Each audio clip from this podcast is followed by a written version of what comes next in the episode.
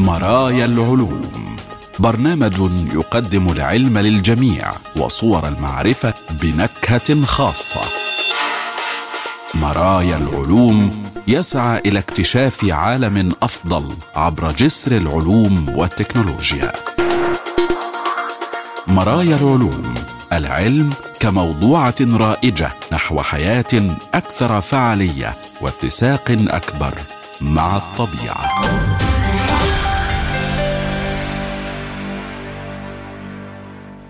أهلا بكم مستمعينا الكرام وحلقة جديدة من برنامج مرايا العلوم حيث العلوم والحياة وصور المعرفة وتردداتها بلا حدود والسعي نحو غد أفضل يتسع للجميع ويفتح ذراعيه لعقول السلام. معكم أحمد أحمد. في هذه الحلقة كيف تؤثر الأشجار على تكوين السحب ولغز البكتيريا التي بدأت استعمار الأرض.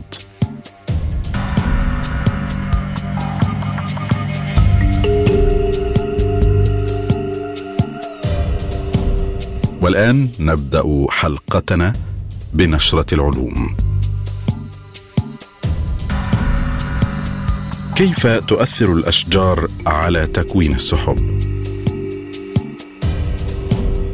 كجزء من مشروع CLOUD الدولي في مركز الأبحاث النوويه سيرن حدد الباحثون في PSI ما يسمى الهيدروكربونات الغازية التي تطلقها النباتات باعتبارها عاملا رئيسيا في تكوين السحب. يمكن أن تقلل هذه النتيجة من حالات عدم اليقين في النماذج المناخية وتساعد في تقديم تنبؤات أكثر دقة. وفقا لأحدث توقعات الهيئة الحكومية الدولية المعنية بتغير المناخ IPCC سيكون المناخ العالمي أكثر دفئا بمقدار واحد ونصف إلى 4.4 درجة مئوية عن مستويات ما قبل الصناعة بحلول عام 2100 ويستند هذا الرقم إلى سيناريوهات مختلفة تصف كيف يمكن أن تتطور انبعاثات غازات الدفيئة البشرية المنشأ. في المستقبل لذا في أفضل الأحوال إذا تمكنا من الحد من الانبعاثات بسرعة وبشكل جذري فلا يزال بإمكاننا تحقيق هدف واحد ونصف درجة مئوية الذي تم اتخاذه والاتفاق عليه في باريس. في أسوأ الحالات سننتهي أعلى بكثير من ذلك. مع هذا فإن تلك التوقعات تخضع أيضا لبعض من عدم اليقين. وفي أسوأ السيناريوهات على سبيل المثال مع استمرار الانبعاثات في الزيادة بشكل حاد فإن الارتفاع في درجات الحرارة قد يصل إلى 3.3 درجة مئوية أو يصل إلى 5.7 درجة مئوية بدلا من 4.4 درجة مئوية.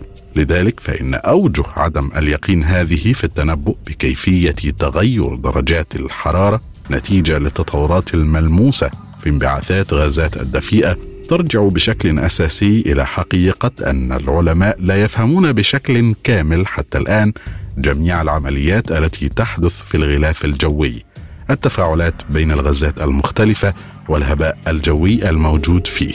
إن انشائها هو هدف مشروع CLOUD وهو تعاون دولي بين باحثين في الغلاف الجوي في مركز الأبحاث النووية سيرن في جنيف وساعدت PSI في بناء غرفة CLOUD وهي عضوة في اللجنة التوجيهية للمشروع. ماذا إذا عن سر تشكل السحب؟ على وجه الخصوص تظل الطريقة التي سيتطور بها الغطاء السحابي في المستقبل غامضة إلى حد كبير في الوقت الحالي. ومع ذلك فهذا عامل أساسي في التنبؤ بالمناخ لأن المزيد من السحب تعكس المزيد من الإشعاع الشمسي وبالتالي تبريد سطح الأرض.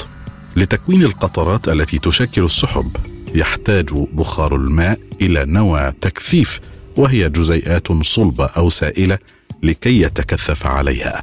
يتم توفيرها من خلال مجموعة واسعة من الهباء الجوي وهي جزيئات صلبه أو سائلة صغيرة يتراوح قطرها بين واحد من عشرة وعشرة مايكرومتر والتي يتم إنتاجها وإطلاقها في الهواء عن طريق الطبيعة وعبر النشاط البشري.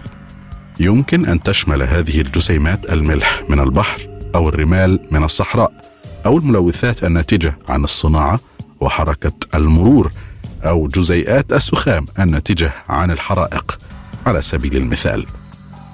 ومع ذلك فإن حوالي نصف نواة التكثيف تتشكل فعليا في الهواء عندما تتحد جزيئات غازية مختلفة وتتحول إلى مواد صلبة وهي ظاهرة يطلق عليها الخبراء النواة أو تكوين الجسيمات الجديدة في البداية هذه الجسيمات تكون صغيرة جدا بالكاد يزيد حجمها على بضعة نانومترات ولكن مع مرور الوقت يمكن أن تنمو من خلال تكثيف الجزيئات الغازية ومن ثم تكون بمنزلة نواه تكثيف. أيضا ماذا عن الغازات الدفيئة التي يمكنك شمها؟ الغاز البشري الرئيسي الذي يسهم في تكوين الجزيئات تلك هو ثاني أكسيد الكبريت في شكل حمض الكبريتيك والذي ينتج بشكل رئيسي من حرق الفحم والنفط. وأهم الغازات الطبيعية المعنية هي ما يسمى الأيزوبرينات والتربينات الأحادية بينات هذه هي الهيدروكربونات التي يتم إطلاقها بشكل رئيسي عن طريق النباتات هي مكونات أساسية للزيوت الأساسية التي نشمها على سبيل المثال. عندما يتم قطع العشب أو حين نذهب للنزهة في الغابة وعندما تتأكسد هذه المواد أي تتفاعل مع الأوزون فإنها تشكل رذاذا في الهواء. تقول لوبنى دادا عالمة الغلاف الجوي في PSI تجدر الإشارة إلى أن تركيز ثاني أكسيد الكبريت في الهواء انخفض بشكل ملحوظ في السنوات الأخيرة وذلك بسبب التشريعات البيئية الأكثر صرامة وسيستمر في الانخفاض. من ناحية أخرى يتزايد تركيز التربينات لأن النباتات تطلق المزيد منها عندما تتعرض للإجهاد على سبيل المثال عندما تكون هناك زيادة في درجات الحرارة والظروف الجوية القاسية ويكون الغطاء النباتي أكثر عرضة للجفاف وبالتالي فإن السؤال الكبير لتحسين التنبؤات المناخية هو أي العوامل سوف تسود مما يؤدي إلى زيادة أو نقصان تكوين السحب للإجابة عن هذا السؤال لابد من معرفة كيف تساهم كل مادة من هذه المواد في تكوين جزيئات جديدة. يعرف الكثير بالفعل عن حمض الكبريتيك، كما أصبح دور التربينات الأحادية والآيزوبرين مفهوما بشكل أفضل الآن بفضل القياسات التي تم إجراؤها في التجارب الميدانية وتجارب CLOUD والتي شاركت فيها أيضا لجنة PSI ماذا عن السيسكويتربينات النادرة والفعالة؟ حتى الآن لم تكن محورا للبحث ويرجع ذلك إلى صعوبة قياسها. وتضيف دادا أولا لأنها تتفاعل بسرعة كبيرة مع الأوزون ثانيا لأنها تحدث بشكل أقل تكرارا بكثير من المواد الأخرى. يتم إطلاق حوالي 465 مليون طن متري من الأيزوبرين 91 مليون طن متري من التربينات الأحادية كل عام في حين أن السيسكويتربينات تمثل 24 مليون طن متري فقط. ومع ذلك فقد أظهرت الدراسة الجديدة التي نتحدث عنها أن هذه المركبات تلعب دورا مهما جدا في تكوين السحب. ووفقا للقياسات فإنها تشكل جزيئات أكثر بعشر مرات من المادتين العضويتين الأخريين بنفس التركيز. لتحديد ذلك استخدم دادا والمؤلفون المشاركون غرفة CLOUD الفريدة في المنظمة الأوروبية للأبحاث النووية سيرن. الغرفة عبارة عن غرفة مغلقة يمكن من خلالها محاكاة الظروف الجوية المختلفة. تقول دادا تبلغ مساحة غرفة المناخ هذه حوالي 30 مترا مكعبا وهي الأنقى من نوعها في العالم. نقية جدا لدرجة أن هذا النقاء يسمح لنا بدراسة السيسكيتريبينات حتى عند التركيزات المنخفضة المسجلة في الغلاف الجوي. وبالفعل كان هذا بالضبط ما شرعت الدراسة في القيام به وقد تم تصميمه لمحاكاة تكوين الجسيمات الحيوية في الغلاف الجوي. وبشكل أكثر تحديدا كان الباحثون مهتمين بدراسة أوقات ما قبل الصناعة. عندما لم تكن هنالك انبعاثات لثاني أكسيد الكبريت الناجمة عن النشاط البشري. وهذا يسمح بتحديد تأثير الأنشطة البشرية بشكل أكثر وضوحا وإبرازه في المستقبل فيما بعد. مع ذلك أصبح ثاني أكسيد الكبريت البشري المنشأ موجودا في كل مكان في الطبيعة منذ فترة طويلة. وهذا سبب آخر يجعل غرفة CLOUD قابلة للحياة. كما يسمح بإنتاج خليط ما قبل الصناعة في ظل ظروف خاضعة للرقابة كشفت التجارب أن أكسدة خليط طبيعي من الايزو بروبين والتربينات الأحادية لها أثرها مثلا السيسكويتربينات في الهواء النقي تنتج مجموعة كبيرة ومتنوعة من المركبات العضوية. المركبات العضوية فائقة الانخفاض في التطاير. كما يوحي الاسم ULVOCs فهي ليست متطايرة للغاية وبالتالي تشكل جسيمات بكفاءة عالية والتي يمكن أن تنمو مع مرور الوقت لتصبح نوى التكثيف. تم الكشف عن التأثير الهائل للسيسكتريبينات عندما أضاف الباحثون هذه المواد إلى الغرفة مع تعليق من الأيزوبرينات والأحادية التوربينات فقط حتى إضافة 2% فقط أدت إلى مضاعفة معدل تكوين الجسيمات الجديدة. ويمكن تفسير ذلك من خلال حقيقة أن جزيء السيسكويتربين يتكون من 15 ذرة كربون في حين أن التربينات الأحادية تتكون من عشر ذرات فقط والأيزوبرين خمس ذرات فقط. ومن ناحية أخرى تكشف الدراسة عن وسيلة ثانية يمكن للغطاء النباتي خلالها أن يؤثر بها على الطقس والمناخ. ومع ذلك وقبل كل شيء تشير نتائج البحث إلى أنه ينبغي إدراج السيسكتريبينات كعامل منفصل في النماذج المناخية المستقبلية إلى جانب الأيزوبرينات والأحادية لجعل تنبؤاتها أكثر دقة. ويصدق هذا بشكل خاص في ضوء انخفاض تركيزات ثاني أكسيد الكبريت في الغلاف الجوي والزيادة المتزامنة في الانبعاثات الحيوية نتيجة للإجهاد المناخي. ما يعني أن هذا الأخير من المرجح أن يصبح ذا أهمية متزايدة لمناخنا في المستقبل.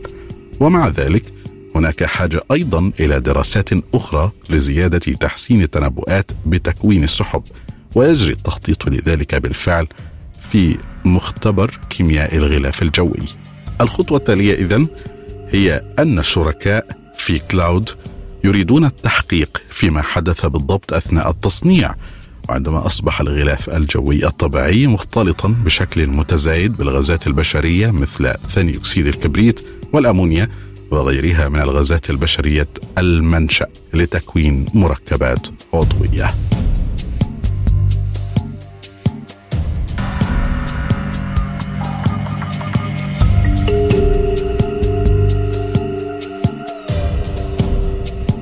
حل أحد أكبر ألغاز الكون. القياس الأكثر دقة حتى الآن لعزم ثنائي القطب الكهربائي الدائم للإلكترون. تقدم دراسة حديثة والتي تحمل آثارا مهمة لمعالجة أحد أهم الأسئلة التي لم يتم حلها في الفيزياء حتى الآن التفاوت بين المادة والمادة المضادة في الكون.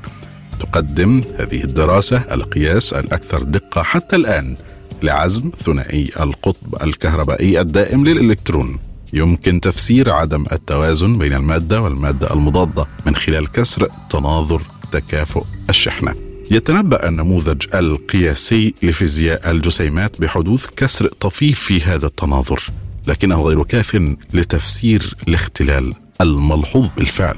وقد تم اقتراح العديد من الامتدادات لنموذج القياسي لحل هذا التناقض. لاختبار مثل هذه الامتدادات النموذجيه كانت التجارب الطاولة التي تقيس عزم ثنائي القطب الكهربائي للإلكترون وهو مقياس لكسر التناظر كانت واعدة للغاية.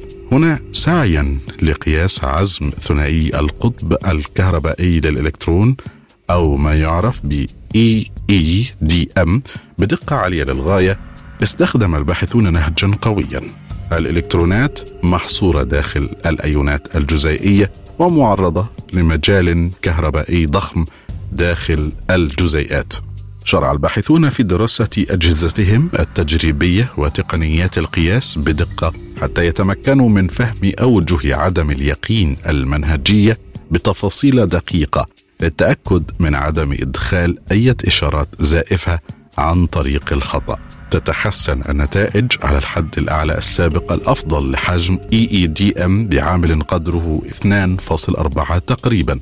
يقول الباحثون إن الارتباط محسن على عزم ثنائي القطب الكهربائي للإلكترون وينتظرون المزيد من التجارب لمزيد من النتائج الأفضل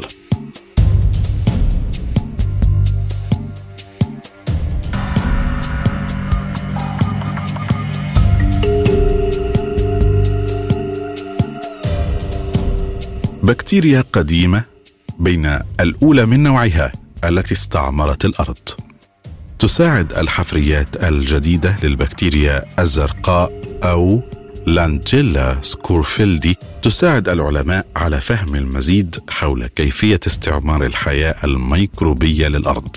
من المحتمل أن نوعا من البكتيريا التي عاشت قبل 407 ملايين سنة قد ازدهرت بين النباتات البرية المبكرة. تساعد عمليات إعادة البناء التفصيلية ثلاثية الأبعاد للحفريات المكتشفة في اسكتلندا تساعد العلماء على فهم المزيد حول كيفية تأثير الحياة الميكروبية على النظم البيئية الأرضية المبكرة. وبالفعل تطورت البكتيريا الزرقاء في وقت مبكر من تاريخ كوكبنا ولعبت دورا مهما في تشكيل الحياة كما نعرفها. تم توثيق هذه الكائنات الدقيقة جيدا في الصخور البحرية لكن العلماء يحاولون فهم المزيد حول كيفية استعمارها للأرض للمرة الأولى. لانجيلا سكورفيلدي هو نوع من البكتيريا الزرقاء التي تعد جزءا من عائلة هابالوسو فوكاسي ونمت بين النباتات البرية المبكرة منذ أكثر من 400 مليون سنة في العصر الديفوني المبكر وكشفت دراسة جديدة أنه هو أقدم نوع من هذه الفصيلة المعروفة بأنها هي التي استعمرت الأراضي وكان من الممكن أن تزدهر في التربة والمياه العذبة والينابيع الساخنة مثلما يفعل أقرباؤها الأحياء اليوم. يقول الباحثون مع عمليات إعادة البناء ثلاثية الأبعاد تمكنا بالفعل من رؤية دليل على التفرع وهو سمة من سمات البكتيريا الزرقاء هبالوسيفونس وهذا أمر مثير لأنه يعني أن هذه هي أقدم أنواع البكتيريا الزرقاء من هذا الصنف الموجود على الأرض. ولكن ما هي البكتيريا الزرقاء؟ البكتيريا الزرقاء هي مجموعة قديمة من الكائنات الحية الدقيقة. تعد حفرياتها من بين أقدم الحفريات المكتشفة على الإطلاق. ويعود تاريخ أقدمها المقبول على نطاق علمي واسع إلى حوالي 2 مليار سنة مضت. وهي اليوم واحدة من أكبر وأهم مجموعات البكتيريا. إنها تعيش في البيئات المائية وحولها في كل مكان تقريبا على الأرض بما في ذلك المحيطات والمياه العذبة والتربة الرطبه وحتى الصخور القطب الجنوبي على الرغم من أنها صغيرة الحجم وحيدة الخلية الا أنها غالبا ما تنمو في مستعمرات كبيرة بما يكفي لرؤيتها بالعين المجردة وهي معروفة بأزهارها الواسعة التي تحول سطح الماء إلى اللون الأزرق والأخضر. لعبت هذه الكائنات الدقيقة دورا مهما في تشكيل تطور الحياة. فهي تقوم بعملية التمثيل الضوئي بطريقة مشابهة للنباتات وهي مسؤولة عن المساعدة في خلق جو غني بالأكسجين. منذ حوالي 2.4 مليار سنة بدأت كتل البكتيريا الزرقاء التي تقوم بالتمثيل الضوئي حدث الأكسجين العظيم. عندما بدأ الأكسجين في استبدال الغازات الأخرى مثل الميثان في الغلاف الجوي. أدى هذا إلى ما وصفه العديد من العلماء بأنه أول انقراض جماعي على الأرض حيث بدأت الكائنات الحية التي تكيفت مع الحياة اللاهوائية في الانقراض. ربما نشأت البكتيريا الزرقاء في بيئات المياه العذبة. لذلك يعتقد العلماء أنها بدأت في استعمار الأراضي في وقت مبكر من تاريخها. يقول الباحثون لعبت البكتيريا الزرقاء في العصر الديفوني المبكر نفس الدور الذي تلعبه اليوم. تستخدمها بعض الكائنات الحية في الغذاء ولكنها مهمة أيضا في عملية التمثيل الضوئي. لقد علمنا أنها كانت موجودة بالفعل عندما بدأت النباتات في استعمار الأرض للمرة الأولى وربما تنافست معها على الفضاء. ولقد ساعدت المجاهر الحديثة ثلاثية الأبعاد العلماء على اكتشاف أن الحفريات الجديدة وتلك التي تم اكتشافها في عام 1959 كانت جميعا من نوع واحد وهو لانجيلا سكورفيلدي وسؤال كيف تم هذا الاكتشاف؟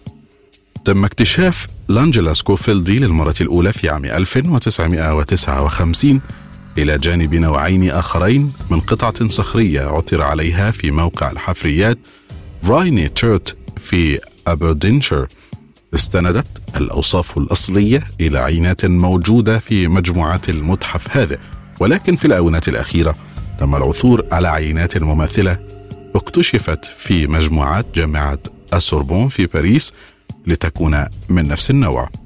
تم وصف الأنواع الثلاثة من البكتيريا الزرقاء التي تم وصفها مبدئيا في عام 1959 من خلال قطع صغيرة من الصخور يصعب تصويرها ودراستها.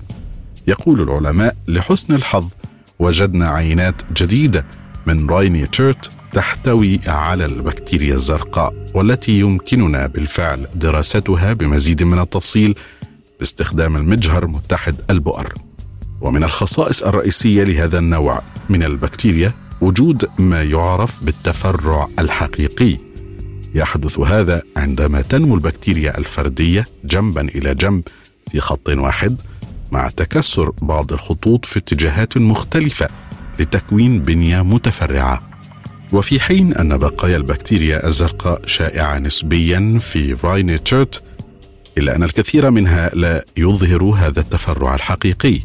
ومن خلال العثور عليها في Langiella scourfieldii يمكن للباحثين تأكيد وجود البكتيريا في مثل هذا النظام البيئي. إذا كيف كان شكل Rhynie chert في العصر الديفوني المبكر؟ قبل أكثر من 400 مليون سنة كانت المناظر الطبيعية والمشاهد في أبردينشاير تبدو مختلفة إلى حد كبير عما هي عليه اليوم. كان جزء كبير من مساحة اليابسة على الأرض يقع في نصف الكرة الجنوبي وتقع اسكتلندا جنوب خط الاستواء مباشرة وقد شهدت مناخا استوائيا إلى شبه استوائي. في هذه الأثناء كانت منطقة رايني تشيرت عبارة عن منطقة من الأراضي المسطحة الرملية مع برك ضحلة من المياه العذبة وقليلة الملوحة. النشاط البركاني والينابيع الساخنة في المنطقة تعني أنها على الأرجح تشبه حديقة يلوستون الوطنية الحديثة. ومع ذلك فإن التنوع البيولوجي فيها كان سيبدو مختلفا تماما كما كان الحال في العصر الديفوني المبكر قبل أن تصبح الغابات والفقاريات هي المهيمنة على الأرض. وبدلا من ذلك كان تركيز الحياة على الصخور الرطبة بالقرب من برك المياه. وكان من الممكن أن تكون هذه المناطق مغطاة بحصائر ميكروبية تتكون من البكتيريا والطحالب والفطريات. نظرا لأن التربه في ذلك الوقت لم تكن عميقة لم يكن لدى النباتات أنظمة جذرية معقدة. لذا بدلا من ذلك نمت على هذه الحصائر الميكروبية المرتبطة بهياكل صغيرة تسمى الجذور. في مرحلة ما استقرت السيليكا المنبعثة من الينابيع الساخنة حول المادة العضوية ما أدى إلى حفظها سريعا في الصوان. وهو عبارة عن كوارتز بلوري ناعم. والحفاظ الاستثنائي على هذه الكائنات يجعل من Rhynie chert موقعا مهما عالميا للعلماء. وبالفعل يعد موقع Rhynie chert مميزا لأنه يبلغ من العمر أكثر من 400 مليون سنة. وقد تم الحفاظ على جزء كبير من البيئة فيه منذ هذه الحقبة. هو الموقع الوحيد الذي تجد فيه آثارا لجميع الكائنات الحية معا. النباتات والحيوانات والفطريات والبكتيريا والطحالب. ويمكنك أيضا رؤية التفاعلات بين كل الأنواع التي قد تحدث.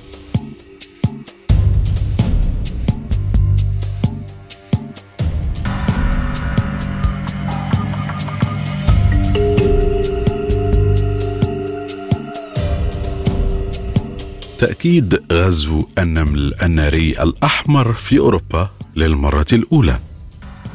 أحد أكثر الأنواع عدوانية في العالم هو Solenopsis invicta هو نوع من النمل الناري الأحمر ذو اللدغة المؤلمة موطنها الأصلي أمريكا الجنوبية وقد رسخت النملة وجودها في جميع أنحاء العالم في مقال نشر في مجلة Current Biology أكد مجموعة من خبراء النمل أن هذا النوع قد شق طريقه إلى صقلية وهي أول رؤية رسمية للنمل في أوروبا.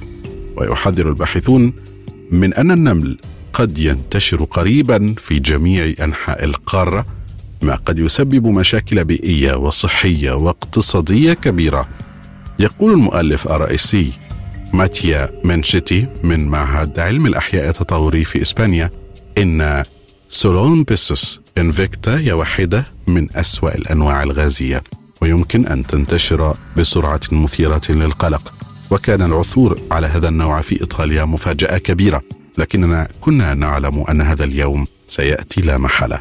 يعرف النوع باسم النملة النارية الحمراء المستوردة ويأتي اسم Solenopsis invicta من أكثر خصائص النمل شهرة وهي من لدغاتها التي تكون مؤلمة وفي بعض الأحيان قد تسبب الصدمة والحساسية. وعلى الرغم من أنها نشأت في أمريكا الجنوبية إلا أن S. invicta انتشرت بسرعة حيث تحلق في تيارات الرياح لتنتقل أبعد على المستوى المحلي. لكن البشر ساعدوا أيضا على انتشاره من خلال صناعة التجارة البحرية عن طريق شحن منتجات المصانع مما مكنه من الاستقرار في أستراليا والصين ومنطقة البحر الكاريبي والمكسيك وفي جميع أنحاء الولايات المتحدة في أقل من قرن. ويقول الباحثون إن أوروبا تجنبتها لفترة أطول مما كان متوقعا. ويوضح منشيتي أن هناك عددا كبيرا من أنواع النمل الغريبة التي تستقر حاليا في أوروبا. وكان غياب هذا النوع بمنزلة مرحلة وحالة من الارتياح. قال إنه لعقود من الزمن كان العلماء يخشون وصوله ولم نتمكن من تصديق أعيننا عندما رأيناه. وبعد رؤية الصور الملتقطة بالفعل في صقليه لما يشبه S. invicta قام الباحثون برحلة إلى المنطقة للتأكد من هوية النمل وجمع العينات. قام الباحثون بتحليل أنماط الرياح المحلية في صقليه لمعرفة كيف يمكن أن ينتشر النمل الآن بعد أن أصبحوا في أوروبا. وقاموا بوضع نموذج شامل لتحديد مدى ملائمة بقية أوروبا ومنطقة البحر المتوسط لهذا النوع وما إذا كان تغير المناخ سيكون أحد العوامل. إلى هنا مستمعينا الكرام نكون قد وصلنا وإياكم إلى خاتمة هذه الحلقة من مرايا العلوم. شكرا جزيلا حسن إصغائكم وإلى اللقاء.